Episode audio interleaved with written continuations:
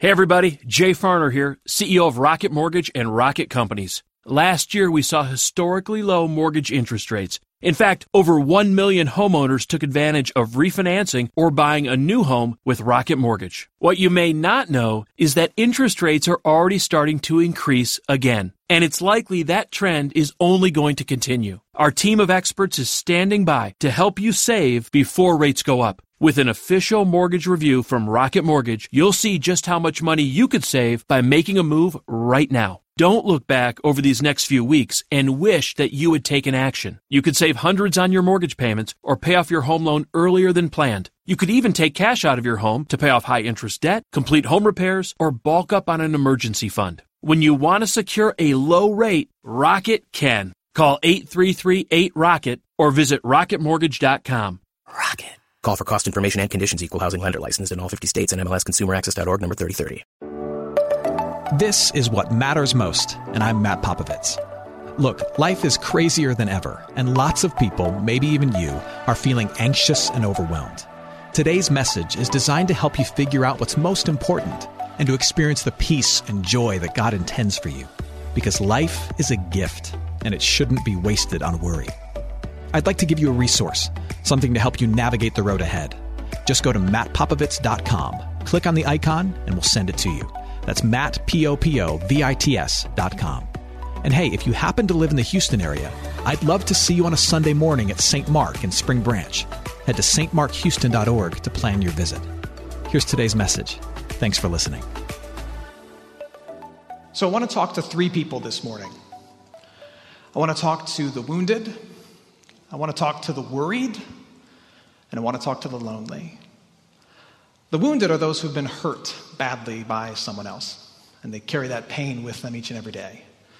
Uh, the worried are those who can't seem to shake their fears and their anxieties. And the lonely are those who feel unseen, unwanted, unnoticed.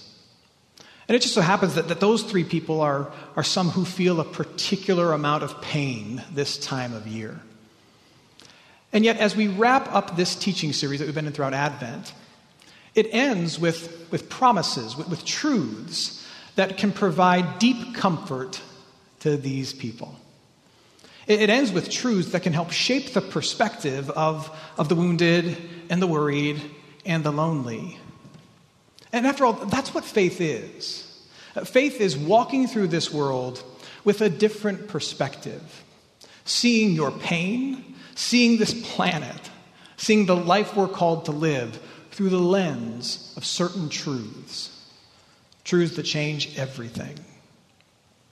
And so let's start with those who are wounded. God's promise for you in today's text is this You are guests at God's great banquet. If you are wounded, you are a guest at God's great banquet. You'll notice that David makes a change in the second half of Psalm 23. He, he shifts, he changes the metaphor. He goes from talking about the Lord as a shepherd and us as his sheep to now the Lord is, is the host of a great banquet, and, and we are the guests at that banquet. Uh, let me read it again. It says, You prepare a table before me in the presence of my enemies. You anoint my head with oil. My cup overflows. The promise is this if you belong to God, Though you are hurt, though you are wounded, though you carry pains and problems, that is not the primary identifier for you. The Lord is the host of a great banquet, and He has invited you. And it's not just some kind of mediocre party. It's not like some, some, some bad wedding reception where there's cold chicken cordon bleu and cheap beer. It's a good party.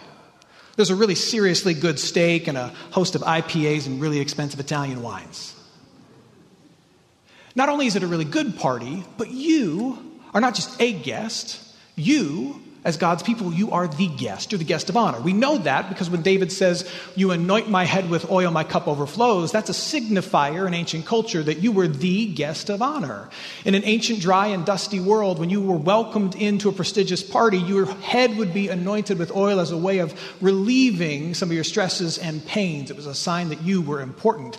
Likewise, the fact that your cup was never empty, but the best wine was always relentlessly being poured into it, meant you were a person of importance. You are the guest of honor at God's great feast. But it's not just any feast, it's a victory feast.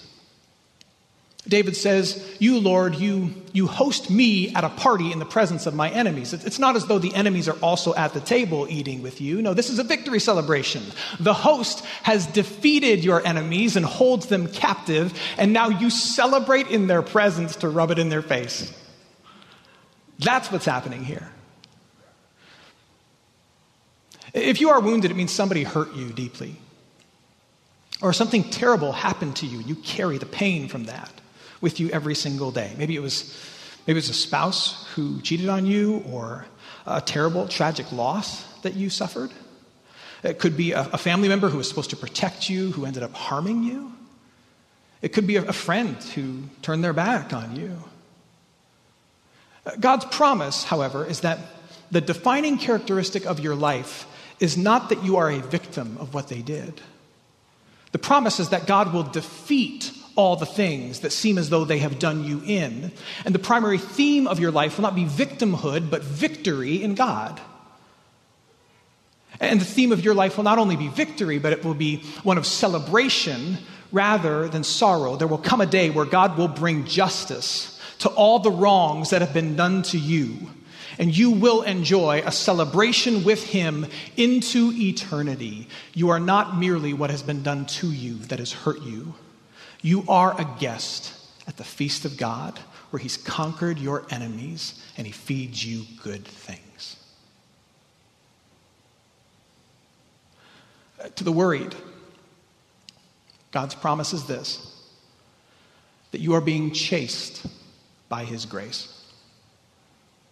If you carry worries and fears and anxieties, God's promise to you is that He is chasing you down with His grace. I know that's a strange turn of phrase, but, but, but I'll make it make sense. Uh, worries and fears have all sorts of different sources. Some of our worries come from some of our worries come from fears themselves. You know, you might be worried and anxious that the, the kids are going to give COVID to grandma at the family Christmas party. Uh, it, some, some worries come from guilt. This may be the first Christmas where you and your spouse are spending it separately and you feel guilty that the kids are having to bounce between two different homes to celebrate the holidays and you are you're worried about what that what that uh, is going to do to the kids. It may be that you have worries and anxieties due to shame that you feel. Not too long ago, maybe you, you blew up your life with, with bad decisions financially and a, a little too much drink and partying.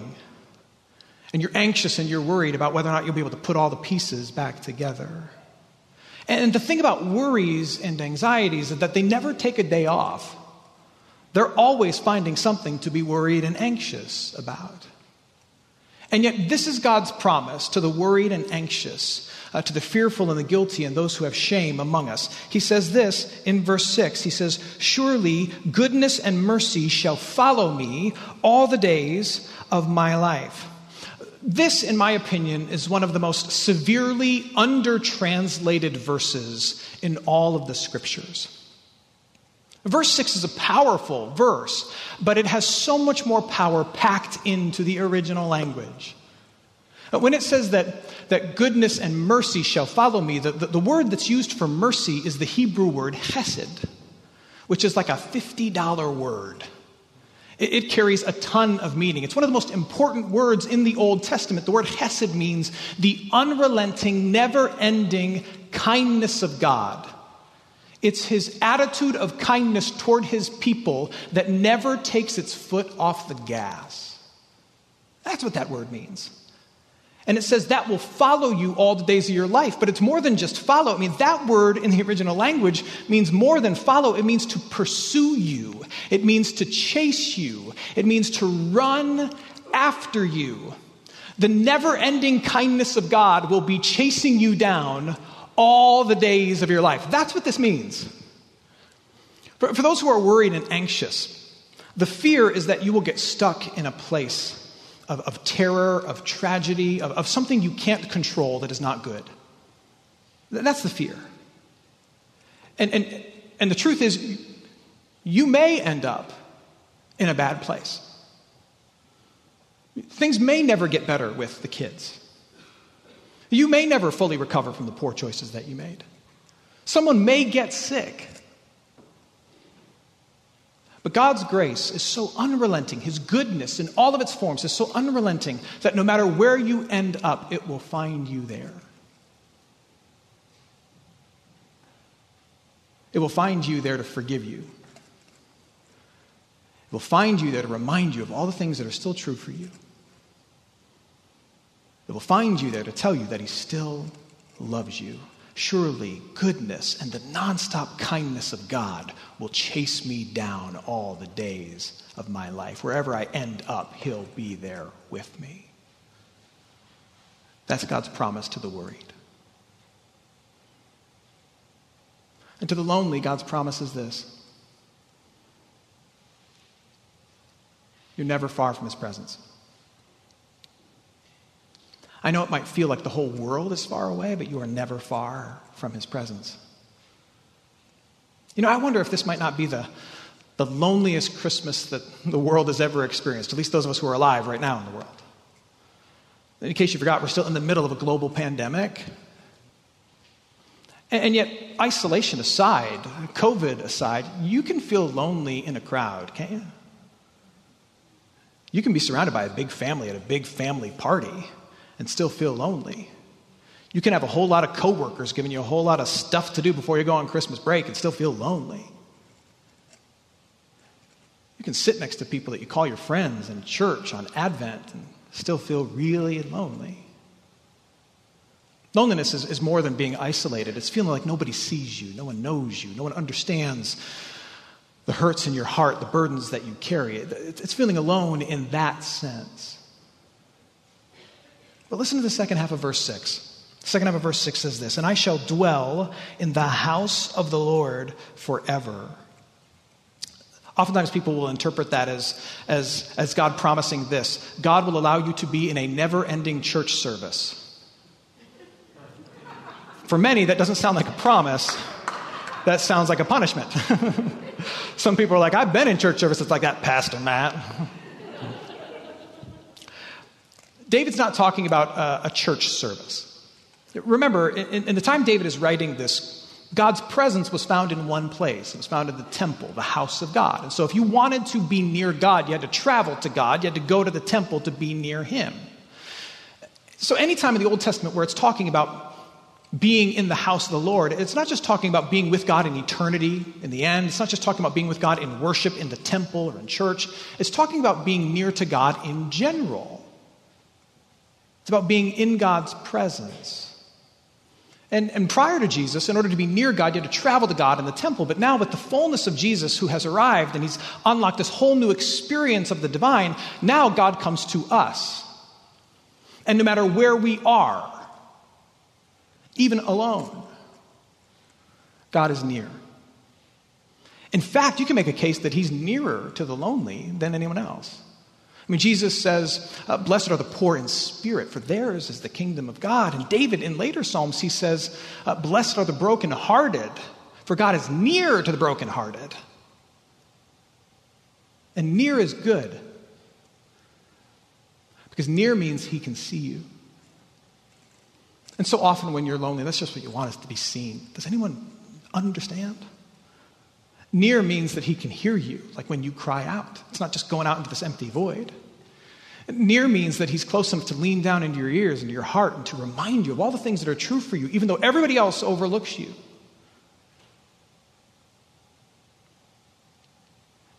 Near means that no matter where you go, even if you're alone, if you sit in a, if you sit in a lonely house, If you sit in an empty room, you are still in the house of the Lord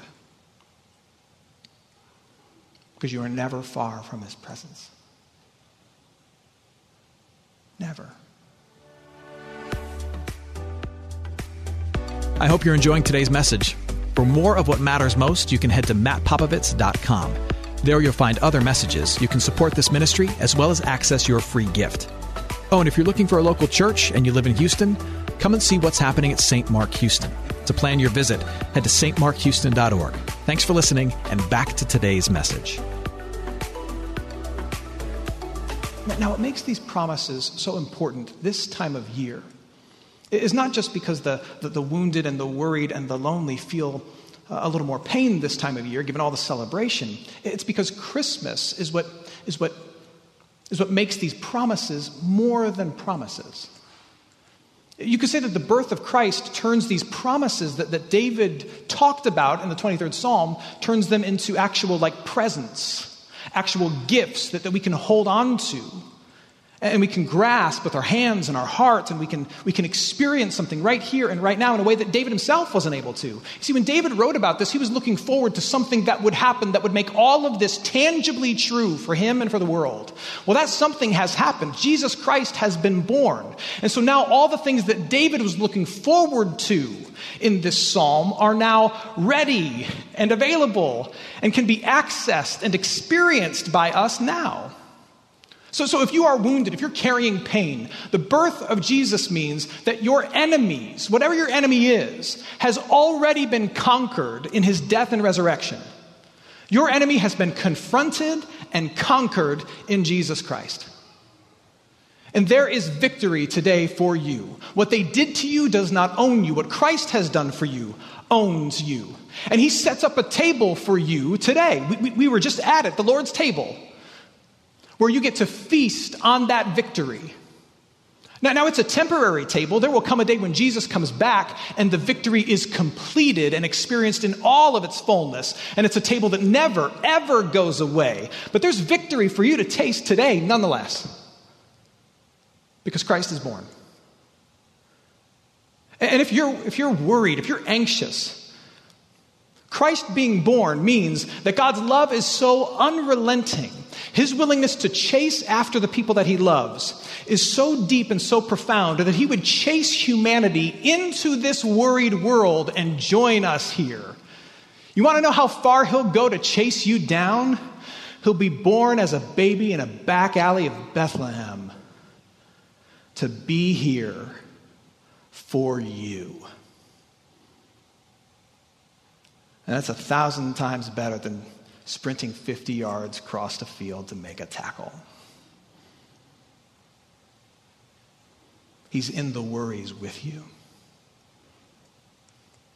And if Christ is born, if you feel alone, it means that at the very least, the God of the universe has seen your loneliness. He's seen all of our struggles, and He's decided to join us here, to get close to us here. Everyone else might overlook you. Jesus has joined you. That's what it means. And so if you, if you, are, if you, are, if you are wounded, if you're worried, if you're, if you're lonely, I, I think there's, there's an opportunity for you at Christmas when, when all this stuff, all these, these, these promises become truths for you. And again, it's so important to understand that these things I'm sharing with you are more than just kind of ethereal promises. They're, they're things you can draw tangible, daily hope from. Like I remember that, like the worst Christmas present I received. No offense to my mom if she's watching the live stream, love you. Um, but the worst Christmas present I ever received, I was 12 years old, and I think I've shared this with you before, but I'm not over yet, so it's worth saying again.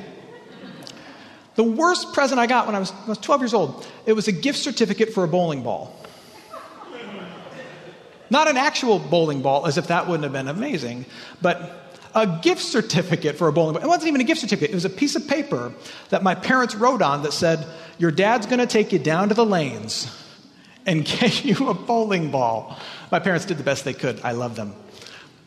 But that's kind of one of those promises that is kind of like, ah, that's tough to hold on to. This is not that. Christ has been born. It's historical fact, which means that everything that is promised in him is now true, true, tangible for us. That's why 2 Corinthians chapter 1 verse 20 says this. This is a verse worth memorizing. That all the promises of God are yes in Jesus Christ. They're yes for you, the wounded, the worried, and the lonely. Which means, I think, back to my point, that there is a choice for you in this season. Where will your focus be? Will you focus on what is wrong this Christmas? Or will you focus on what is true for you because of Christmas? I don't want to make light of any of the pain that you carry, but, but in the midst of our pain, we have, we have some freedom. And we have the ability to, to make a choice about what lens through which we'll view our pain, what perspective from which we will perceive our pain. And that's what faith is. It's a certain perspective, it's a certain lens through which we look at the same, the same bad world everybody else has to trudge through. Will your focus be on what's still wrong? Or will your focus be on what is true for you because of Christmas? Will you pull your focus and everyone else's focus to the wounds of your past? Or will you focus on the fact that victory is yours? Uh, will you focus on the things you can't control that keep you up at night? Or, or, will you focus on the fact that God is pursuing you and no matter where you end up, He'll be with you? Will you focus on all the people who don't see you? Or will you hold tight to the promise that God will never, ever leave you? When someone asks you the inevitable question, how you doing? Will you, will you say, um, I'm wounded, I'm worried, I'm lonely? Or at the very least, will you say to yourself, I am wounded, but I'm victorious. I'm worried, but I'm pursued. I'm lonely, but God is with me. Makes all the difference in the world. Look, look, I know that this time of year can be really difficult to, to, celebrate if you're one of these three people. You can feel like you're celebrating Christmas poorly or wrongly. Like the only right way to celebrate Christmas is to put up lights like everybody else, or to, uh, to have a cute family picture in matching pajamas like everybody else, or to get a bunch of presents for nieces and nephews that you don't really see and who are kind of annoying like everybody else, or to, or to fake your way through a socially distanced holiday party like everybody else. That, that unless you can do that, that you're not celebrating Christmas the right way. But if Jesus Christ is really born, then none of that stuff has anything to do with celebrating Christmas the right way. Did you know that? Those are just the trappings of the cultural, the cultural celebration of Christmas. No, celebrating Christmas the right way Celebrating Christmas the right way means setting aside all those things except for your pain, except for your hurts, except for your needs, except for your wants of soul, except for your unfinished business and your unmet needs, and taking all those things to the manger, taking your wounds and your worries and your heartaches, take those things to the manger, and you say, Thank you. Thank you for coming here for me. That's what it means to celebrate Christmas the right way. Everything else is just tinsel on the tree. I know the trappings of this year can make it tough for you. But if your heart is heavy or anxious or alone, know that the gift of Christmas is perfect for you. Let's pray. Heavenly Father, we thank you for the arrival of your Son, and we ask that you would, you would open our hearts to see it fully, to see it as the gift of victory in the face of our struggles, to see it as your pursuit of us,